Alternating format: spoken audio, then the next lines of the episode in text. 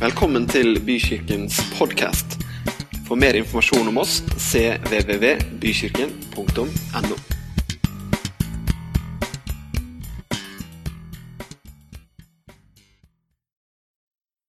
I Matteus 4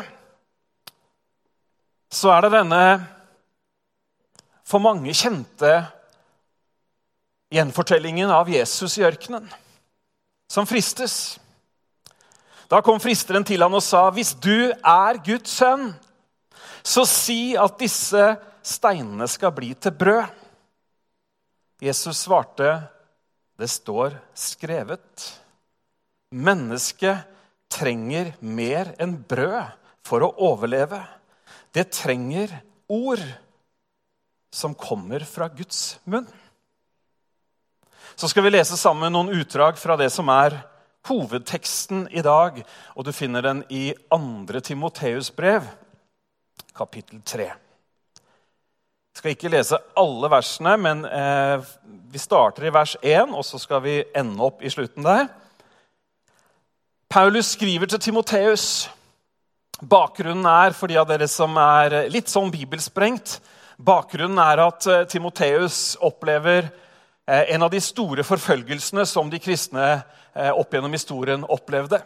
Keiser Nero raste, de kristne fikk skylda for det ene og det andre. Det var mange utfordringer i menighetslivet.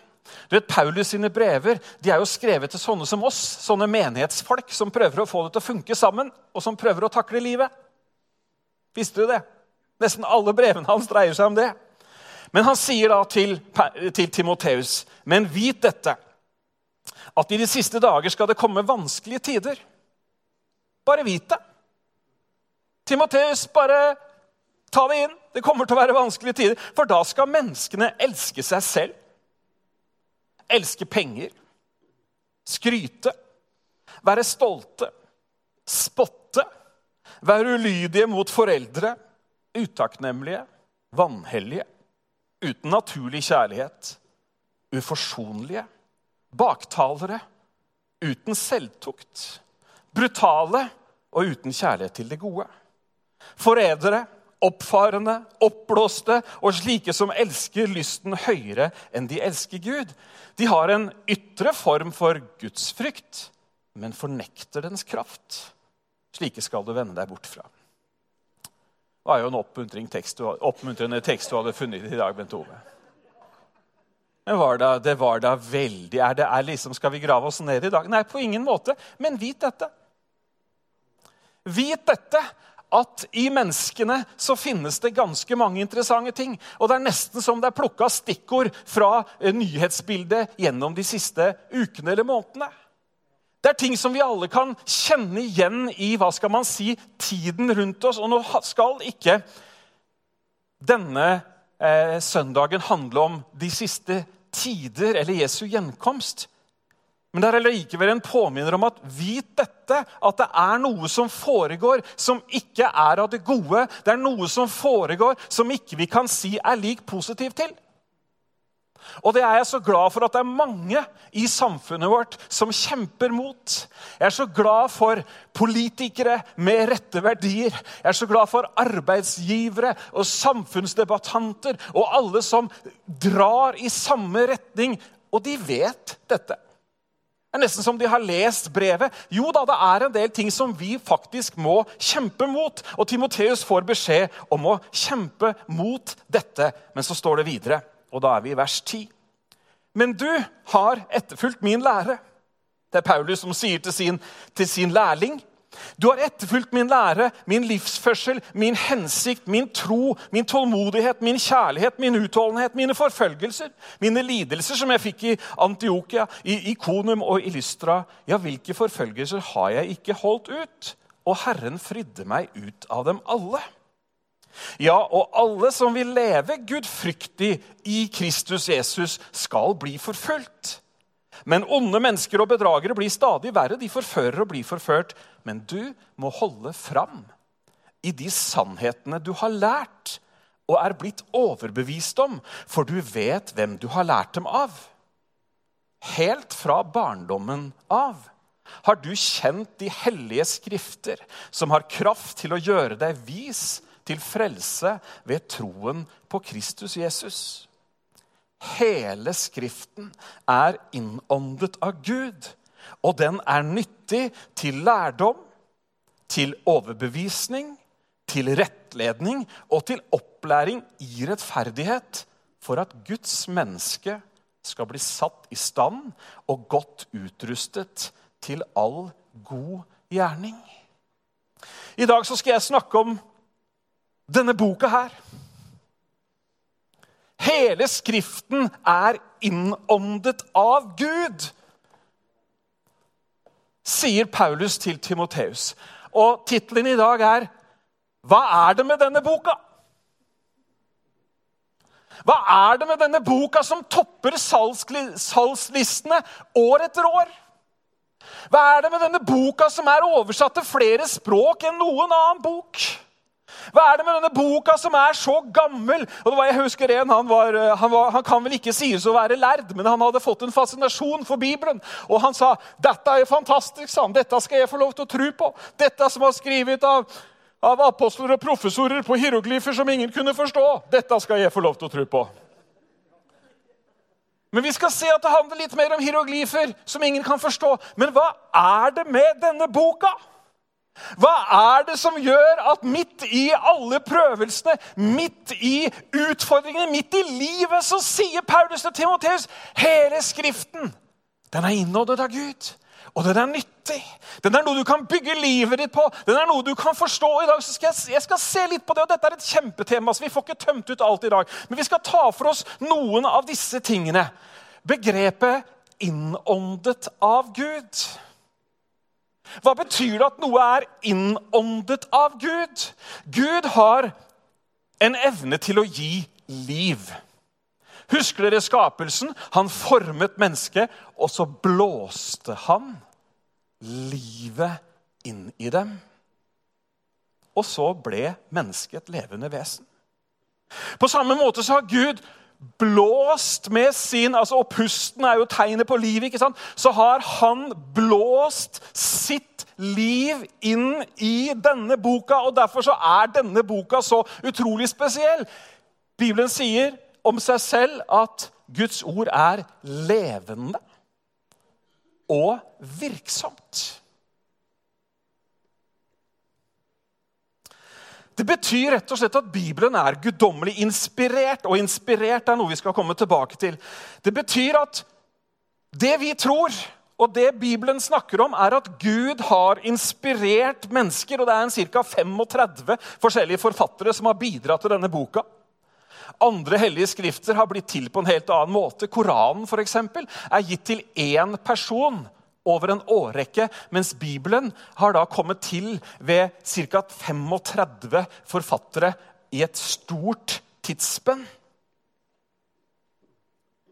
Det at den er innåndet av Gud, betyr, at, betyr, ikke at den er et resultat av, av, av, menneskelig tanke og har fått en sånn guddommelig dash på toppen. Nei, Det betyr at Guds ånd var til stede i skriveprosessen. Og Bibelen sier også at Gud våker over sitt ord.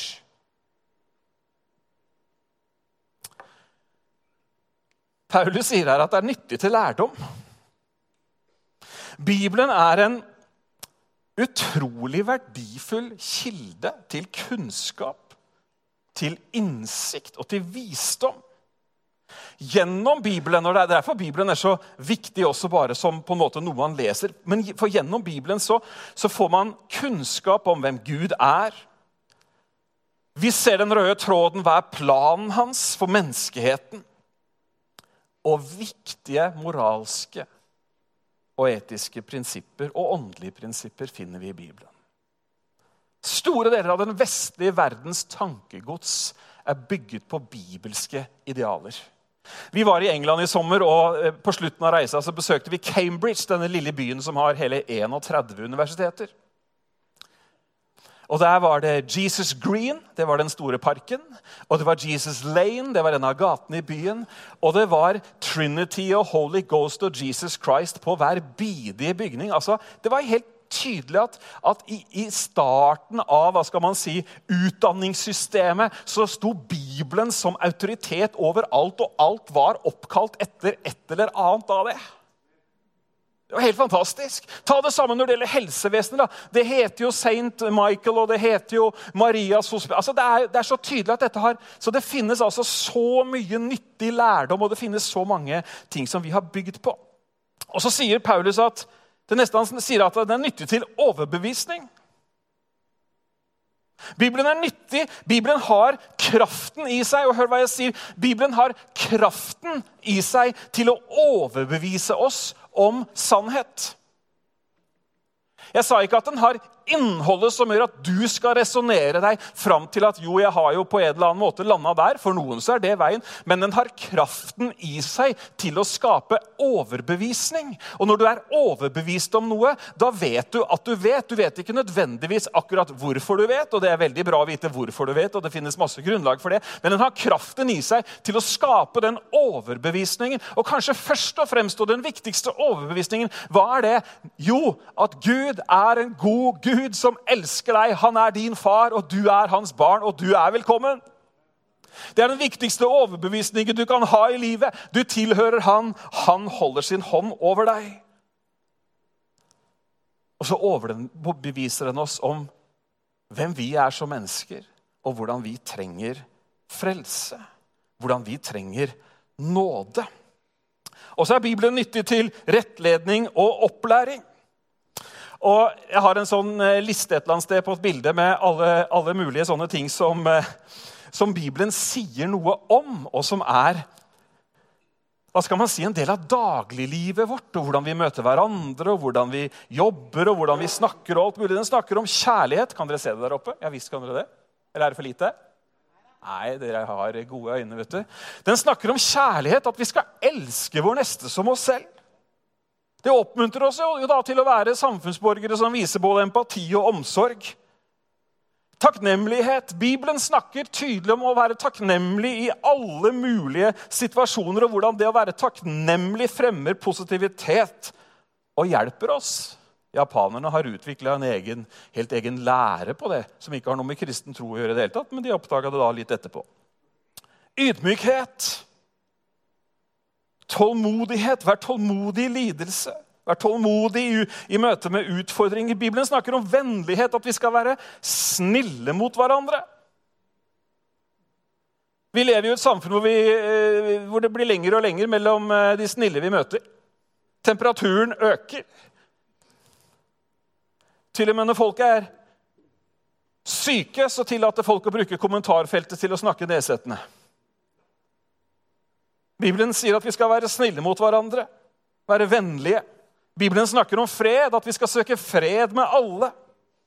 Å søke fred handler om å fremme harmoni, unngå unødig konflikt. Bibelen snakker om dette gamle begrepet trofasthet. Å være trofast i smått. Hvordan trofasthet utvikler karakter og pålitelighet. Snakker om sannhet. Mye snakker om sannhet snakker ikke bare om sannhet som et filosofisk begrep, men den snakker om en sannhet som vi kan bygge på. Snakker om sannhetens ånd, som viser oss hva vi skal gjøre, hva vi skal si. Bibelen snakker om ærlighet, integritet. Bibelen snakker om arbeid. Arbeidsmoral snakker Bibelen om. Visste du det?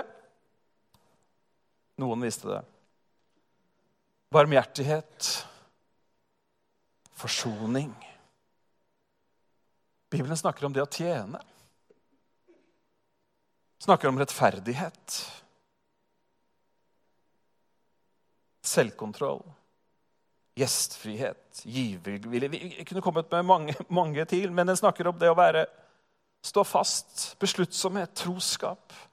Bibelen snakker om at eh, vi kan med det vi sier, gjøre stor skade. Så den har i Jakobs brev svært tydelig undervisning om å holde, holde litt tilbake før vi kliner til. Og hvordan det kan hjelpe oss til å unngå både konflikter og misforståelser. Hva er det med denne boka? Hva er det med denne boka som mennesker har skrevet? men som sier om seg selv at den er guddommelig. Mange troende syns det er litt problematisk at det er mennesker som har skrevet dette her. Det er mennesker som har skrevet, altså. Altså, Hva er sjansen for at noe av dette har kommet ut litt feil? Noen som har tenkt den tanken? Nei, ingen som har tenkt den tanken. Nå ljuger dere hele gjengen. Har dere bare liksom Å ja! Nei, det er mennesker som har skrevet dette her. Og de som er skeptikere, de som ennå ikke tror, de elsker å legge trykk på at det er mennesker som har skrevet det. Ja, særlig, liksom. Og det er så stor variasjon vet du, i disse her som har skrevet det også, at du kan jo liksom lure på hadde de egentlig noe å komme med i det hele tatt. Men jeg har lyst til å vise dere, peke på noen perspektiver som som faktisk viser noe guddommelig nettopp ved det. Dere, Det er en bredde av mennesketyper som er forfattere av denne boka. Og du vet, Gud han elsker mangfold. Har du sett på noen naturfilmer i det siste? Har du vært ute og kikka? Har du sett på noe værfenomen? Altså, Skaperverket, dere, det slutter i hvert fall aldri å fascinere meg. Det er vel noen som sitter og ser mye på den der ørneredet minutt for minutt. Ingen som har fått med dere den? Jeg har hørt at den er veldig bra. Jeg prøvde å introdusere tiåringen for det. Han hadde noen tanker om de som hadde laga et sånt program. Men i alle fall, Gud elsker mangfold. Gud elsker altså, ja, Vi kunne hatt en liste over både papegøyenes farger og, og fiskestibens navigasjon når de millioner eh, av, av individer i enhet forflytter seg. Vi var på Naturhistorisk museum i London i sommer. Ja, Det var jo gøy, altså, for der hadde de sånne utstillinger av dyr. Og jeg må jo også si deler av dyr som ikke man lenger eh, pleier å stille ut. Der, der hadde de kutta godt i en del deler og vist dette. Og det var jo liksom alt fra elefanter til de minste kvek. Og det, det, var jo bare et mangfold som var helt enormt. Vet du hva? Gud han er utrolig mye mer mangfoldig og kreativ enn det du og jeg noen gang kan komme i nærheten av. Og I, disse, i denne boka så er det da altså 35 forfattere med sine historier. Jo da, noen har noen likheter, men det er også mange detaljer og mange, mange ulikheter. De uttrykker seg på forskjellig språk. Det er sanger, det er historiske gjengivelser, det er lignelser, det er prekener, det er klagesanger, det er poesi, det er formaninger. Noen skriver tydeligvis når de er overveldet av glede. Andre skriver og ærlig forteller om sine feil og mangler. Noen er gode historiefortellere, mens andre de er ikke spesielt imponerende i det hele tatt. Du har forfatteren av Hebreerbrevet, som har et språk og en grammatikk som får de fleste liksom til å bare What? Hvordan har han fått med alt dette i dette avsnittet? Det er jo helt utrolig. Og Det samme kan vi si om Jesaja. Men så har du sånne som profeten Hosea, da, en gammel bonde som skriver akkurat som du tenker en gammel bonde skriver. Hvor du må legge godvilja til hver, på, rundt hvert eneste verb for å skjønne hva han egentlig mener. Guds ord. Så har du Johannes den enkle fiskeren Johannes som har skrevet Johannes evangeliet og Johannes sine brev. Og, og, liksom den som Jesus hadde kjær, som man regner at har et ordforråd på 360 når han skriver Johannes evangelium. Guds ord. En bredde av mennesker.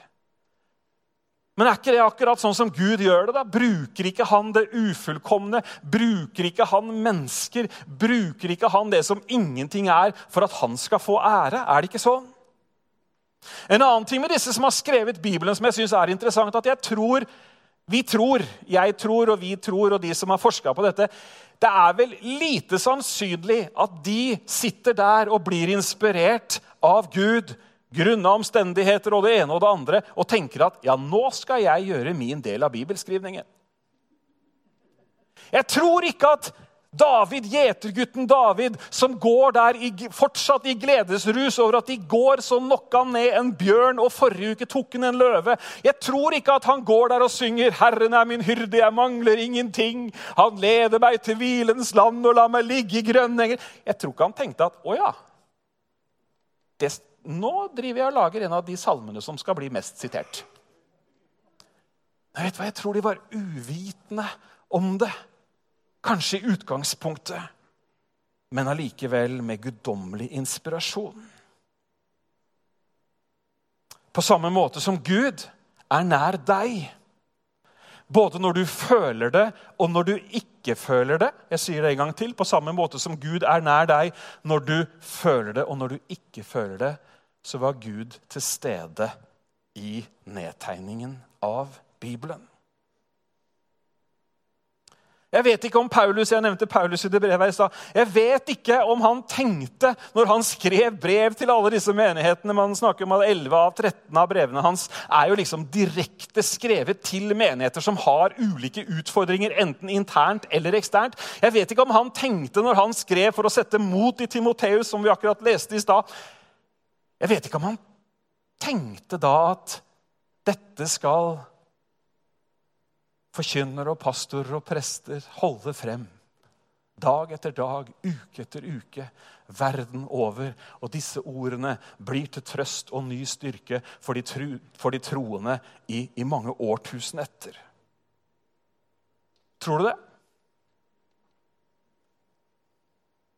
Kan være at de opplevde spesielle øyeblikk og tenkte at nå, liksom, nå, er, nå, er, eh, nå, er, jeg med på noe spesielt. Noen, noen, gjorde nok virkelig det også. Og vi har jo mange sitater ikke minst fra profetene, hvor de, hvor de snakker om at 'da kom Herrens ord til meg'. At de ikke visste hva de skulle si, men de åpna sin munn, og Gud la sitt ord i dem.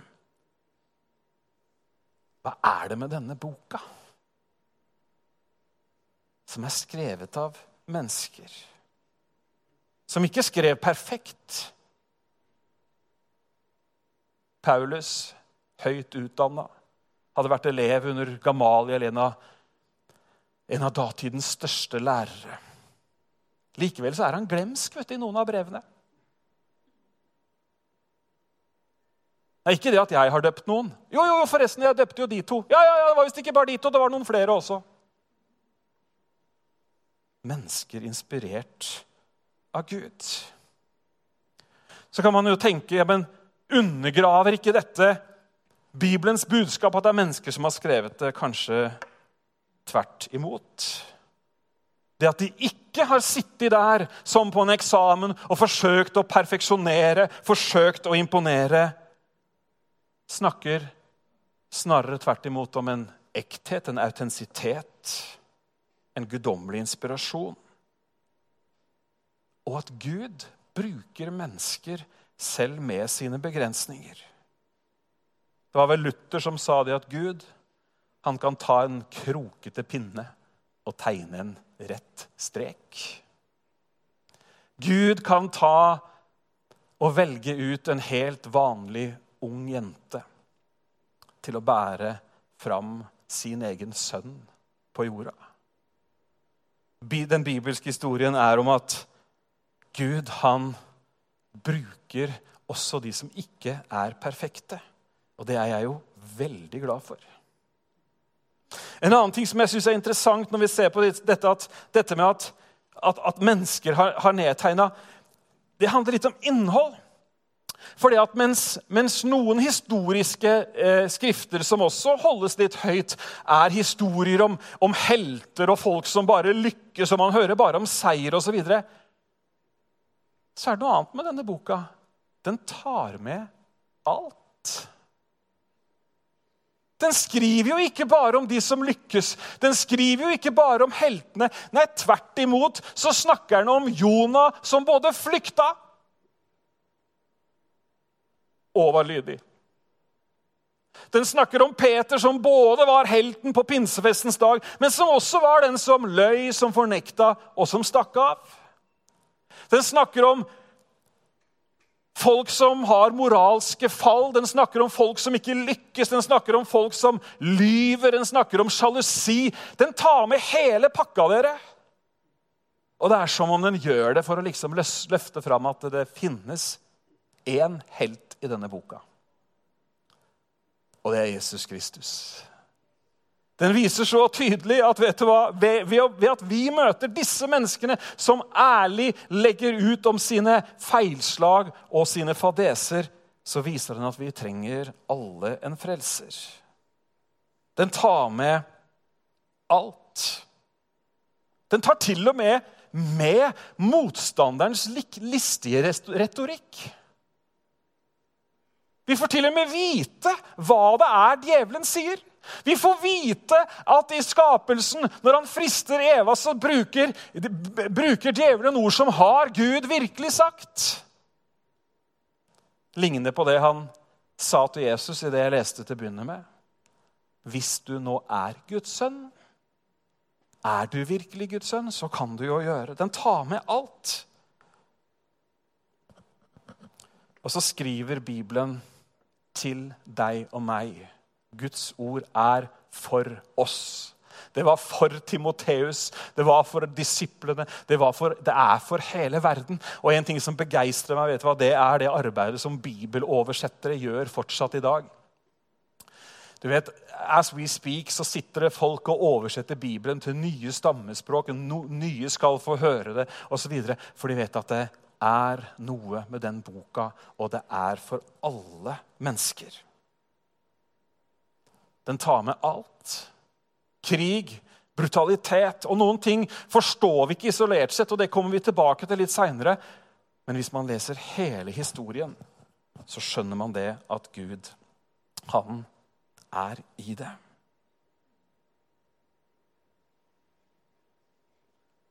Og når du ser i Det nye testamentet, så skjønner vi enda mer at det er skrevet til sånne som, oss. Til mennesker som ikke har fått alt til. Som av og til gjør noen justeringer på teologien så den skal passe. Som av og til koker eh, læren om Gud og sannheten om Jesus med, med, med, med den rådende filosofien i samfunnet rundt seg. Den er skrevet til sånne som oss. Derfor så sier Paulus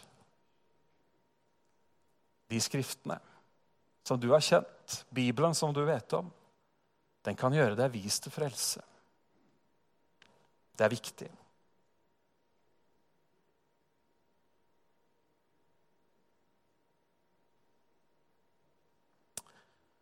Hvordan skal vi da møte dette her? Og Kanskje du sitter og lurer litt nå. Det var en merkelig innfallsvinkel Bent Ove, å snakke om hvor menneskelig Bibelen har blitt til. Men da har du ikke hørt alt jeg har sagt. For Bibelen sier at hele Skriften er inspirert av Gud.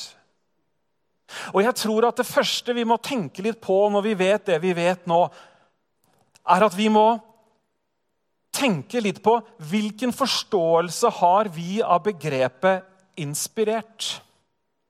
Noen som blir inspirert av eh, Pinterest her? Ingen? Jo. Noen som blir inspirert av bilder på Instagram? Noen som har vært på et foredrag og kjent at du verden, nå skal jeg gå hjem og jeg skal trene som en gaselle og jeg skal spise som en et eller annet annet. Vi har, et, vi har, en menneskelig forståelse av inspirasjon, og vår erfaring med inspirasjon er dessverre ofte at den er ikke nødvendigvis så sterk. Er du enig i det? Og den varer ikke nødvendigvis så lenge. Jeg har blitt inspirert til mye jeg, som har vart ganske kort. Jeg hadde en kollega en gang, hun fortalte det. Hun, hun var en person som ble lett inspirert. Og det avsløres når hun sier at vet du hva, jeg har gått ned 500 kilo. Jeg sa. Hva mener hun? Jeg trodde du tulla. Nei, hun hadde, Hvis hun la sammen alle de kiloene hun hadde tatt av seg og gått opp igjen, og tatt av seg og gått opp igjen, hver gang hun hadde blitt litt inspirert, så var det 500. Så, så du vet en av hva skal man si, en av navigasjonspunktene, om du vil, når vi vet det vi vet om Bibelen Og det er ikke noe trussel mot Bibelen, i det hele tatt, men det er at hele Skriften er innåndet av Gud. Det betyr at den er inspirert, akkurat som du for så vidt kjenner begrepet inspirasjon. Men den er inspirert av noe veldig mye større og sterkere enn et annet menneske, enn et bilde, enn et eller kurs eller et foredrag. Den er inspirert av Gud. Så du vet, Gud, han som er allmektig, han som ønsker å nå hjertene til alle mennesker, han har inspirert hele Skriften. Ja, men Skulle ikke det som du sier nå, bety at jo da, det var noen feil der og det var noen feil der, og noe er Bibelen, noe er virkelig Gud, og andre ting liksom er bare mennesker?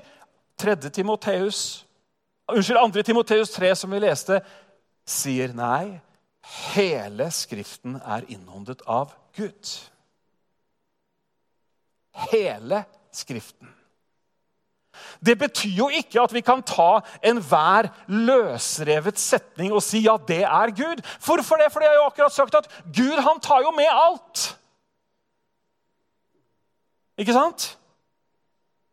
Og det at Gud har inspirert hele Skriften, dere, det er i seg selv et mirakel. Er det ikke det? Du vet, Jeg spurte en gammel, gammel eh, predikant en gang liksom, ja, hvor, hvorfor, er, liksom, hvorfor, hvorfor kan du tro på dette greiene her. Vet du hva han svarte liksom som, som sitt tekniske bevis? Han skjønte at det var det jeg var ute etter. Han sa nøyaktigheten i profetordene. Det at et menneske kan snakke i Mika eller Jesaja om at det, om noen år så kommer det til å komme en som er sånn, som blir født der, som blir født av en jomfru, og han skal gjøre det. Det at noen kan gjøre det 700-800 før oppfyllelsen, og det er så eksakt, det viser bare at Jesaja var inspirert. Nå kunne du ha sagt amen. Det viser bare da at den som nedtegna det, ikke fordi, den, ikke fordi, den, hadde kjent Jesaja, men det viser bare hvor ekstremt nøyaktig og hvor kraftfull denne guddommelige inspirasjonen er. Det har blitt meg fortalt, Jeg har ikke fått sjekka det opp, faktisk, for jeg kom på det akkurat nå. Forrige gang jeg nevnte det, så tenkte jeg at det skal jeg jammen få sjekka, men jeg leste det fra sikre kilder, tror jeg. Tror jeg, Det hørtes dårlig ut, men jeg gjorde det. Vet dere hva som er altså bakerst i Bibelen? Her er det jo kart og klesdrakter og hverdagsliv og mye rart. Vet du hva, det er bak? Vet du hva som er bakerst i den jødiske bibelen? Altså ikke i Toraen, men i Bibelen på hebraisk og, og, og, og, det de snakker der. Der står det en liste over de oppfylte profetordene. Titalls av profetier hvor det henvises mellom Gamle og Nye testamentet guddommelig inspirert. Ikke av Instagram, men av himmelens og jordens skaper. Han som gir liv, og han som holder alt i sin hule hånd. Hva er dette for en bok? Det er livgivende. Jeg fant dine ord, og jeg åt dem. Og det ble til liv for meg. Så på samme måte som mirakelet inkarnasjonen. altså Inkarnasjonen betyr jo 'bli til kjøtt'. altså På samme måte som Gud ble til kjøtt, ble til menneske, kom som Jesus. Det er et mirakel, er det ikke det? Og så tenk å velge Maria, da. Ugift. En fattig, ung, ung jente. Altså, Gud har jo gjort noen valg av sine tjenere opp igjennom. Folk som ikke kan snakke, skal lede et folk. Hvis han kan gjøre det, hvis han kan bruke Maria, hvis han kan bruke Moses, så kan han vel inspirere 35 stykker til å få sin vilje fullt og helt ut i ord? Kan han ikke det? Miraklet, inkarnasjonen, og miraklet, inspirasjonen. Det er Guds storhet, det er Hans nåde, som gjør dette her mulig. Og hør her, dere. Tror, tror noen her at jeg kan få et ord fra Gud til deg? Bare noen som, altså Tror vi det? Ja, hvorfor i all verden skal vi ikke da tro at de kan få Guds ord og dele det med oss? Jeg fikk et ord en gang jeg ba for en dame. Og det, var, det ordet var så merkelig at jeg eh, kjempa litt med om jeg det hele tatt skulle si det. Jeg la hendene mine på henne, og så, og så ber jeg for henne. Og så, og så kommer det liksom et ord som jeg, jeg vet ikke om jeg noen gang har brukt i dagligtale engang. Vannrik hage. Det er da du tenker jo da, jeg har spist frokost. Og så slipper de ikke. Så sier jeg sånn som jeg pleier å si, vet du hva, jeg vet ikke om det betyr noe for deg, men det er et ord som bare kommer når jeg ber for deg. Vannrik hage. Og hun bare bryter ut først i latter. Ikke fordi det var så sprøtt, men fordi det var jo noe som tydeligvis hadde en voldsom betydning for hun. Og så sto hun og gråt, og så møtte Gud henne. Så hvis Gud kan bruke og det er ikke bare meg, han bruker jo oss alle ikke sant, til å, til å få ord, det kan være, eh, fungere på mange måter, så kan han også bruke mennesker. ikke sant? Og vi må skjønne, vi må ta inn over oss at Gud er allmektig, og han gjør mirakler. Derfor så kan vi tro på dette. En annen ting som er til hjelp det første var dette her med inspirasjon, å skjønne hva Guds inspirasjon egentlig er. Det andre var det å liksom skjønne at det fins en Gud som kan gjøre overnaturlige ting og mirakler. Vi snakka om både inkarnasjonen og, og inspirasjonen til Guds ord. Men en tredje ting som vi må ta med oss inn da når vi skal forholde oss til denne boka, det er at vi må jo skjønne Husker jeg sa i stad at Bibelen tar med alt? Til og med hva djevelen sier. Så Derfor så kan man jo ikke bruke Bibelen helt ukritisk og si alt som står her, har Gud sagt. Hovedbudskapet ja, det har Gud sagt. Men det, ikke, det var jo ikke Gud som sa 'Har Gud virkelig sagt'? Er du med på tanken? Så det er jo noe med, det er jo noe med å stille spørsmålet hvem, hva ble sagt til hvem når? I hvilken setting?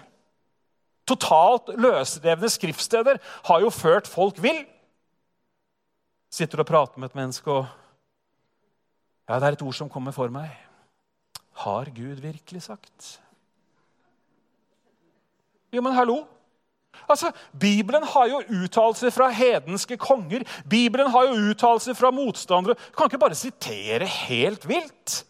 Man må jo lese det inn i, i sammenhengen og hvem sa hva osv. Og så tror jeg en annen ting som er viktig, som kanskje ikke mange gjør, men som vi bør gjøre mer, det er jo når man leser noe isolert sett, å spørre Gud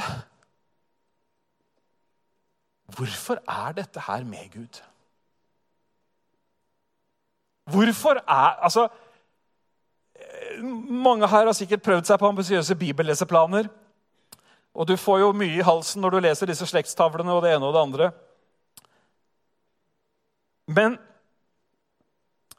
alt er tatt med fordi det tjener en større hensikt. Men det er når vi bare leser stykkevis og delt, at det, ikke, at det, virker ikke som det har på en måte noen funksjon i det hele tatt. Men derfor er det viktig, og jeg tror vi, må, jeg tror, jeg tror vi i 2023 så må vi eh, holde fram bibelundervisningen mer enn noen gang. Vi må, vi må, eh, sette oss ned og så må vi få tidslinja på plass. Og så må vi eh, både ved bruk av de som har studert Skriften, og ikke minst ved Guds ånds ledelse få hjelp til å forstå de ulike tingene. For det er Guds ord alt sammen. Hele Skriften er innåndet av Gud.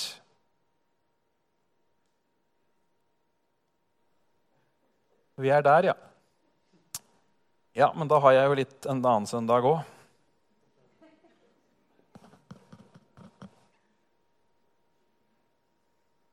Bra.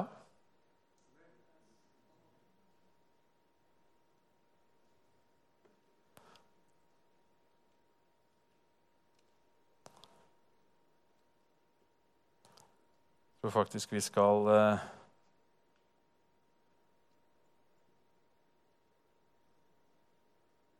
gi oss der.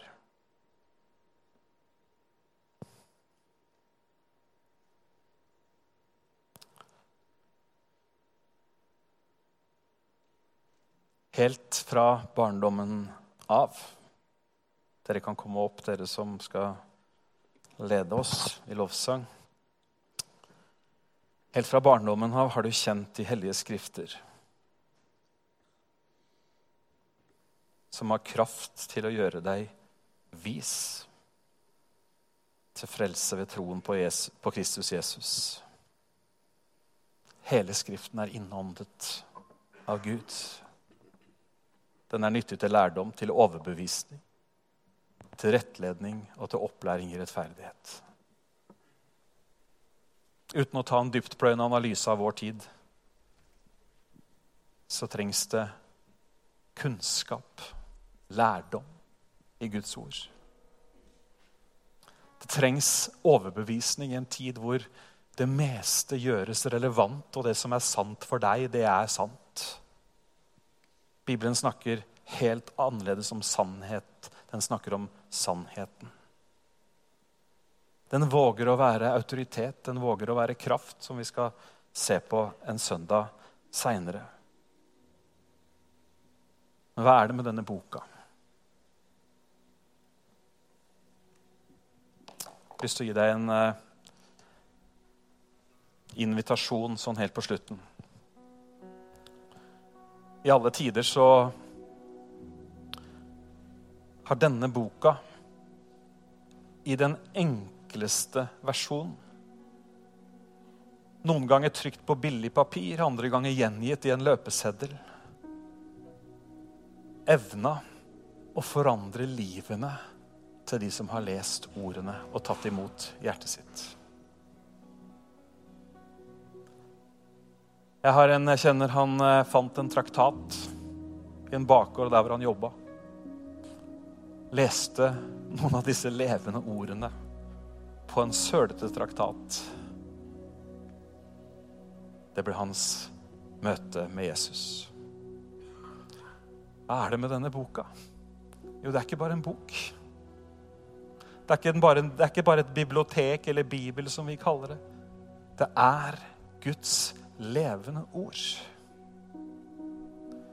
Og det er veldig stor forskjell på om vi forholder oss til, en, det, til, til, til, Bibelen som en historisk unik bok som har overlevd mange ting.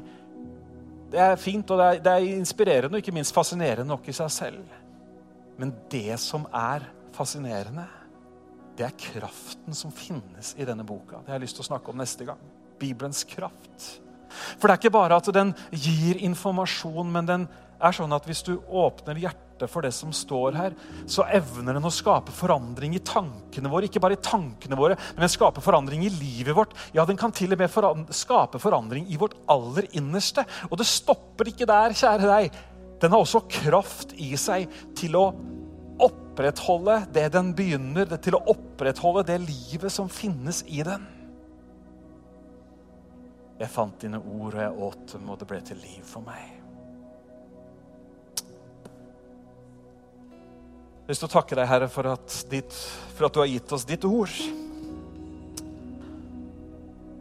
Takk for at vi har fått et testamente som har en langt større verdi enn noe annet testamente.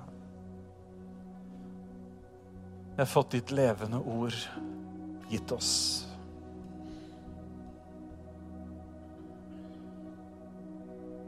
Herre, vi vil søke deg, og du viser deg gjennom ditt ord.